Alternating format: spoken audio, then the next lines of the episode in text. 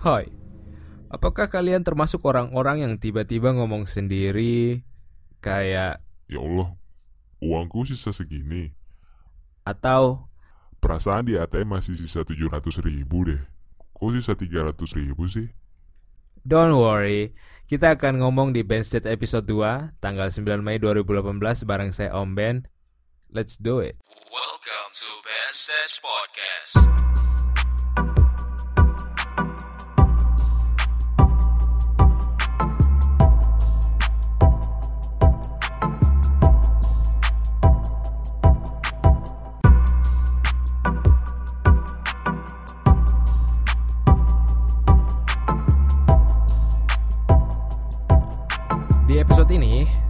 Saya akan sharing tentang pengelolaan uang.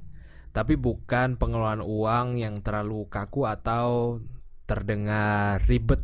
Jadi, pengelolaan uang yang akan dibahas ini yaitu pengelolaan uang sekelas anak kos-kosan. Nah, jadi metode ini adalah metode yang sudah saya gunakan secara pribadi dan sudah saya jalani selama kurang lebih lima tahun dalam memanage uang. Oke, let's get into it. Tips number one buat proposal. Rincikan dalam satu bulan itu pengeluaran apa saja yang dibutuhkan. Mulai dari segala macam bentuk tagihan, misalnya tagihan sewa kos, kontrakan, kemudian tagihan internet, belanja bulanan seperti sabun, sabun, sabun, shampoo, parfum, uang buku, uang fotokopi, bensin, sampai servisnya. Nah, itu disusun. Nah, setelah disusun, saran saya dalam anggaran tersebut, segala bentuk tagihan tadi itu merupakan bagian dari 60 sampai 70% dari total uang keseluruhannya. Kenapa sih harus 70%? Kenapa nggak semuanya saja dialokasikan ke dana tadi? Jadi 100% kita pakai aja semuanya. Ini bisa berbagai macam argumen sih. Kalau saya pribadi 70% itu biar lebih safe aja sih. Jadi kita masih punya uang pegangan 30%. Jadi tujuannya apa sih? Kenapa kenapa saya pribadi nggak mengalokasikan seluruh uang 100%, tapi saya pisahkan 30%-nya. Karena 30% dari seluruh uang yang kita punya ini adalah sebuah investasi yang sangat-sangat berguna dan pasti akan dibutuhkan. Karena yang pertama 30% dari uang tadi itu bisa digunakan untuk pertama menabung. Kita bisa menabung dari dana 30% tersebut. Kemudian yang kedua, investasi. Sebagian kita mungkin memiliki hobi yang yang apa ya, yang butuh butuh menabung juga, butuh uang juga. Nah, itu 30% itu kita bisa kita bisa gunakan sebagai investasi ke hobi atau bagi teman-teman yang ingin membuat atau membangun usaha, modal yang kita kumpulkan salah satunya bisa bersumber dari dana 30% tadi. Dan yang ketiga adalah yang sangat-sangat penting dan krusial, yakni dana tak terduga. Karena dana ini pasti akan dipakai karena kondisi pertama, kalau kita yang masih belum berdikari, asik, belum berdiri di kaki sendiri alias masih minta orang tua, nah itu kan orang tua kita itu kadang nggak nggak selalu bisa mengirimkan uang di awal bulan atau tidak sesuai dengan jadwal yang sudah disepakati bersama seperti itu. Nah, untuk menanggulanginya, nah itu kita memiliki dana tak terduga sehingga kita masih bisa ibaratnya kita masih bisa menjalankan hari-hari tanpa tanpa eh, khawatir tidak memiliki uang. Atau ketika kita sakit kalau misalnya kita sakit kan kita butuh biaya mendadak. Nah itu kadang uang 30% ini yang akan kita gunakan selain dari dana orang tua karena misalnya kalau kita sakitnya siang mungkin enak kita bisa nelpon orang tua kemudian eh, beliau segera mengirimkan tetapi bagaimana kalau misalnya kita sakit pada saat eh, tengah malam tengah malam dan kita memang sakit banget dan butuh penanganan langsung tentu kita butuh dana juga yang cepat. Nah, salah satunya bersumber dari dana tak terduga ini gitu. Kemudian tips nomor dua, nah ketika uang sudah ada di tangan, ini segera bayarkan tagihan bulanan. Seperti uang sewa kos, tagihan internet, listrik, dan air termasuk utang. Nah kalau memang utang itu harus dicicil ya dicicil lah Karena ya sekali lagi utang itu kan nggak dibawa mati. Nanti takutnya eh, belum selesai utangnya meninggal kan nambah beban di alam sana coy. Jadi harus segera dibayarkan selama uang itu ada. Karena uang itu kan keluarnya cepat maka dahulukan prioritas yang utama. Karena manusia yaitu sifatnya impulsif gitu jadi lakukanlah secara segera. Kemudian yang tips nomor tiga berbelanja. Manusia itu kan kalau punya uang yang berlebih itu keinginannya juga meningkat jadi perbandingan lurus gitu loh apalagi kalau belanja di awal bulan yang di proposal kita anggarkan 100 ribu itu tiba-tiba bisa membengkak jadi 150 ribu gitu loh sebelum berangkat ke supermarket itu saran saya tuh kalian harus membuat semacam bucket list atau list-list barang apa saja yang akan kalian beli dan memang itu seperlunya dibeli. Uh, seperti sabun, kemudian parfum ataupun shampoo. Jangan kalian beli misalnya snack yang berlebihan atau jamu kalau kalian tidak terlalu butuh atau misalnya kalian beli sayur padahal kalian nggak punya dapur itu jangan cuy. Karena ya ya tidak boleh. Nanti uang kalian akan lari tidak tidak terkendali.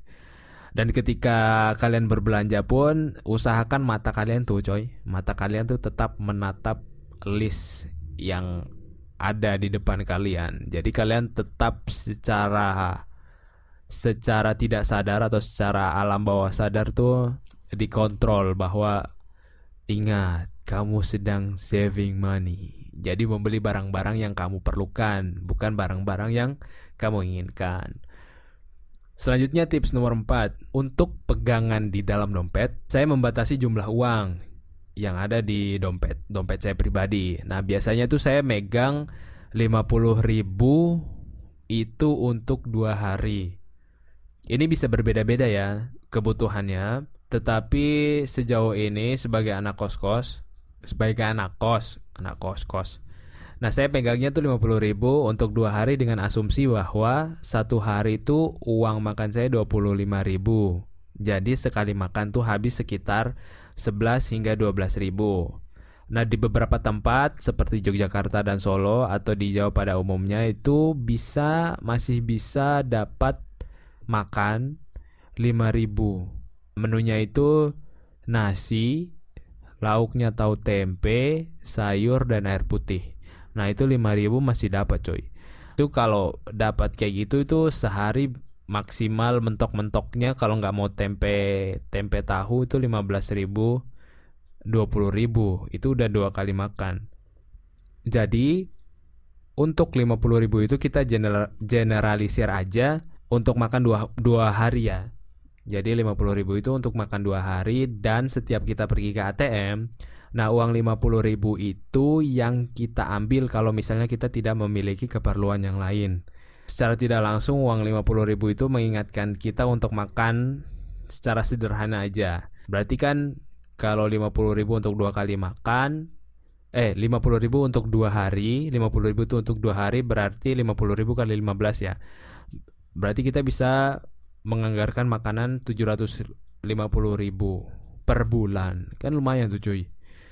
Kemudian tips nomor 5, kalau mau lebih irit lagi, masaklah makananmu sendiri. Ini bagi teman-teman yang punya dapur ya. Nah, ini merupakan yang merupakan cara yang sangat-sangat ampuh untuk mempres pengeluaranmu. Kalau memang kita tidak punya dapur, saya sarankan teman-teman untuk menginvestasi pada rice cooker. Dan saya sering sekali melakukan hal ini kalau uh, memang lagi ingin mempres budget. Karena kalau saya masak nasi ataupun masak lauk, nah ini uang makan per hari saya itu bisa cukup 10 hingga 15 ribu. Itu untuk dua kali makan itu udah termasuk berasnya. Anggaplah beras 10 ribu ya, ini beras 10 ribu, berarti per hari kita 3 ribuan.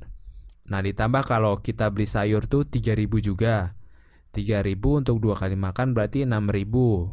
tinggal kita tambah lauk misalnya mau tahu tempe tuh 3000 juga berarti 9000 untuk makan siang 9000 kalau makan malam tinggal beli lauknya. Lagi entah mau telur atau ayam itu 3000 dan 6000 itu berarti sudah uh, 9000 tambah misalnya ayam aja lah ayam 6000 itu 15000 nah itu sehari udah 15.000 coy. Udah makan tahu tempe dan ayam. Itu kan murah banget. Itu kita udah menghemat anggaran makan kurang lebih 40% lah nah ini membuktikan bahwa sederhana itu nggak harus makan mie tiap akhir bulan meskipun makanannya sederhana tapi ya makanannya harus tetap bergizi dan sehat gitu coy kemudian next tips nomor 6 jangan terlalu sering keluar untuk having fun dan shopping. Waduh. Ini yang memang benar-benar kalian harus tahan. Emang godaannya sangat besar apalagi kalau kalian ada dalam suatu perkumpulan.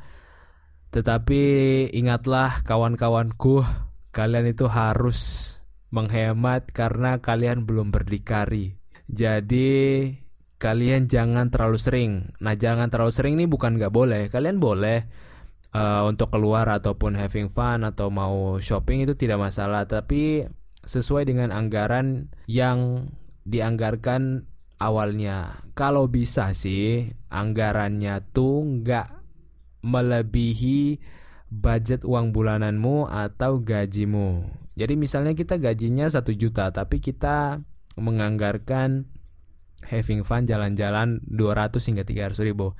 Ya uangnya juga habis coy. Ingat, kamu ini ingin berhemat, jadi hemat-hematlah. Berikutnya adalah tips-tips yang lain. Nah, tips-tips lain ini bisa kalian ikuti ataupun enggak, boleh terserah. Tapi saya sarankan tetap kalian ikuti ya. Ini saya berikan uh, beberapa tips. Kenapa tujuh ini ada gabungannya karena ini cukup simple.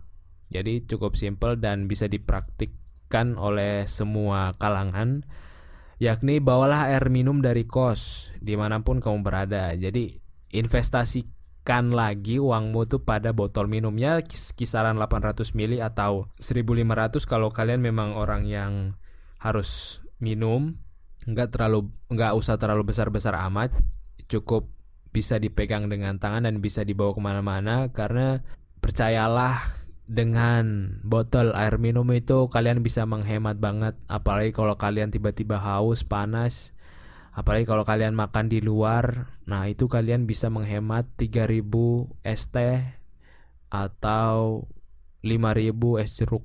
Nah itu kalian bisa hemat di situ cuy. Kemudian kamu bisa menyisakan sebagian uang untuk servis motor. Nah ini penting. Untuk cowok ataupun cewek ini penting. Karena motor itu hal yang sangat-sangat apa ya sangat-sangat membantu membantu kita kalau ke mana-mana.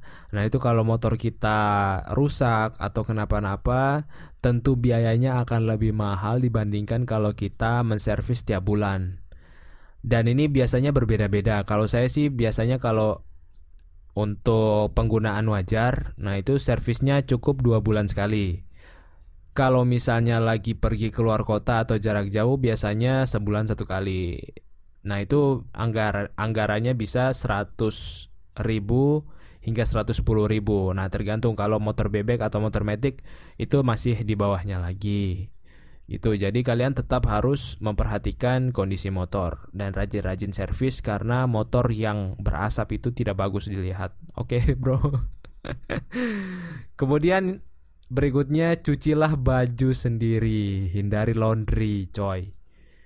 Karena laundry itu cukup lumayan bila kita menghemat budgetnya. Anggap saja satu kilo itu empat ribu ya, satu kilo itu empat ribu. Pemakaian normal satu minggu itu 3 sampai empat kilo. Seminggu 3 sampai empat kilo dikali empat ribu sudah enam belas ribu. Enam belas ribu kali empat, empat minggu kan 16.000 kali 4 itu sudah 74 74 ribu Itu kalian kalau cuci sendiri Kalian cuma butuh modal sikat Sama 15.000 lah untuk Untuk uh, Deterjen Nah itu udah sangat Amat sangat hemat sekali kalau kalian mau cuci baju sendiri. Kalau kalian malas biar nggak berat itu cucinya per tiga hari. Nah itu biar nggak berat ataupun maksimal kalau lagi malas-malasnya cukuplah satu minggu. Percaya deh kalau misalnya lebih dari satu minggu itu pasti malasnya bukan main karena tumpukan baju udah banyak. Kemudian besok mau dipakai, nah otomatis itu mau nggak mau kita harus laundry. Jadi belajarlah untuk mencuci baju sendiri. Kemudian ini tips lagi kalau mengatasi impulsif nih impulsif itu tiba-tiba pengen terus tiba-tiba mau itu nah ini namanya impulsif nah kalau saya pribadi untuk mengatasi impulsif ini saya juga punya punya rasa impulsif itu dan saya juga punya penangkalnya jadi kalau saya ingin sesuatu saya biasanya mencatat Nah, saya biasa mencatat apa yang saya inginkan. Jadi saya tuh punya buku pribadi gitu. Jadi di dalam buku itu saya menulis dua kolom. Jadi kolom sebelah kiri adalah kolom kebutuhan, kemudian sebelah kanan itu adalah uh, kolom keinginan. Jadi nanti di bagian kebutuhan tuh tulis kebutuhan, kemudian ada gambar sayap malaikat. Nah, kemudian terus di sebelah kanannya tulisannya keinginan, terus ada gambar tanduk setan. Nah, dan itu kemudian saya tulis tuh. Nah, biasanya ini biasanya nih, kebutuhan itu pasti lebih sedikit daripada keinginan. Itu pasti, itu pasti. Coba deh kalian coba tulis. Nah, kalau saya biasanya sudah kayak gitu, nah itu membuat saya melihat dengan lebih jelas lagi bahwa ini loh yang kamu butuhkan, ini yang kamu inginkan, dan kebutuhan ini yang harus kamu prioritaskan. Dan sejauh ini it works, man. Dan biasanya ketika saya udah menulis keinginan saya di buku itu, hasrat itu sudah lebih redam dan juga lebih santai gitu. Ini lagi nih, aduh, ini hal yang penting juga sih ini. Kalau misalnya kalian punya relationship, uh, hubungan atau pacaran dan PDKT sebagainya, ini memang agak, agak sulit ya. Karena pertama pacaran itu tidak bisa dipungkiri itu membutuhkan biaya yang besar. Kalau kalian ingin berhemat, caranya misalnya kalian ingin tetap berhemat dan memiliki hubungan tuh kalian sampaikan kepada pacar atau gebetan kalian misalnya kalau uh, misalnya kalau kalian keluar mau nonton itu bayarnya patungan. Itu kalau kalian berani. Terus kalau kalian makan makannya yang sederhana aja. Gak usah ke restoran. Itu kalau kalian kalian mau tetap hemat tapi masih masih memiliki relationship gitu. Tapi kalau pacar kalian tidak bisa melakukan itu atau kalian juga merasa itu nggak mungkin ya ya sejauh ini saran yang bagus dari saya sih mungkin jangan jangan pacaran atau membangun relationship dulu gitu. Jadi ya gitu kalian harus harus apa ya belajar inilah belajar berhemat. Karena nggak selamanya kita ini bersenang-senang having fun ya kita tetap harus belajar susah. Jadi tips-tips di atas itu bisa bisa diterapkan secara umum baik cewek maupun cowok nah ini tinggal disesuaikan aja dengan cewek karena kan kebutuhan cewek itu lebih banyak seperti ada alat makeup, kemudian skincare, perawatan muka, dan lain sebagainya.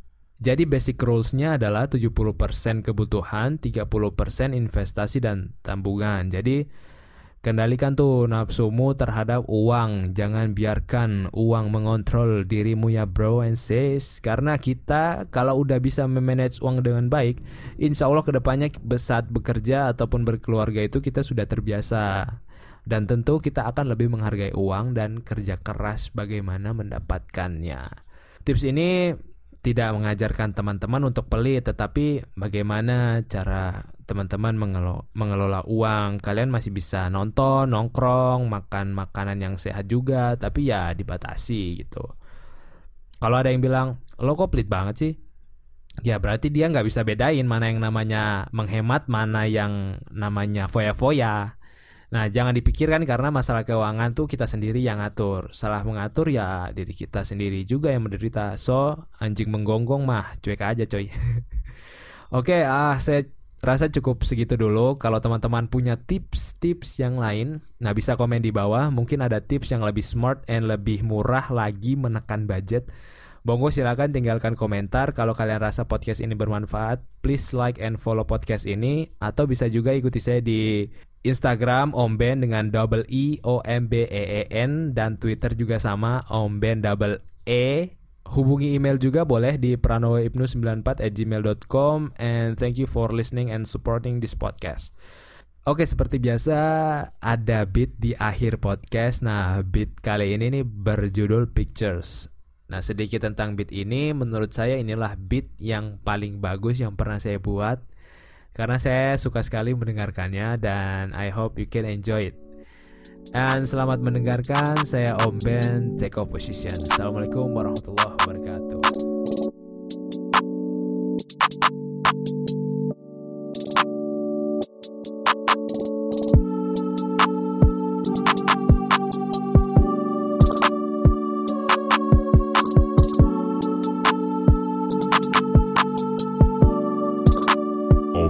Drop that beat, ho.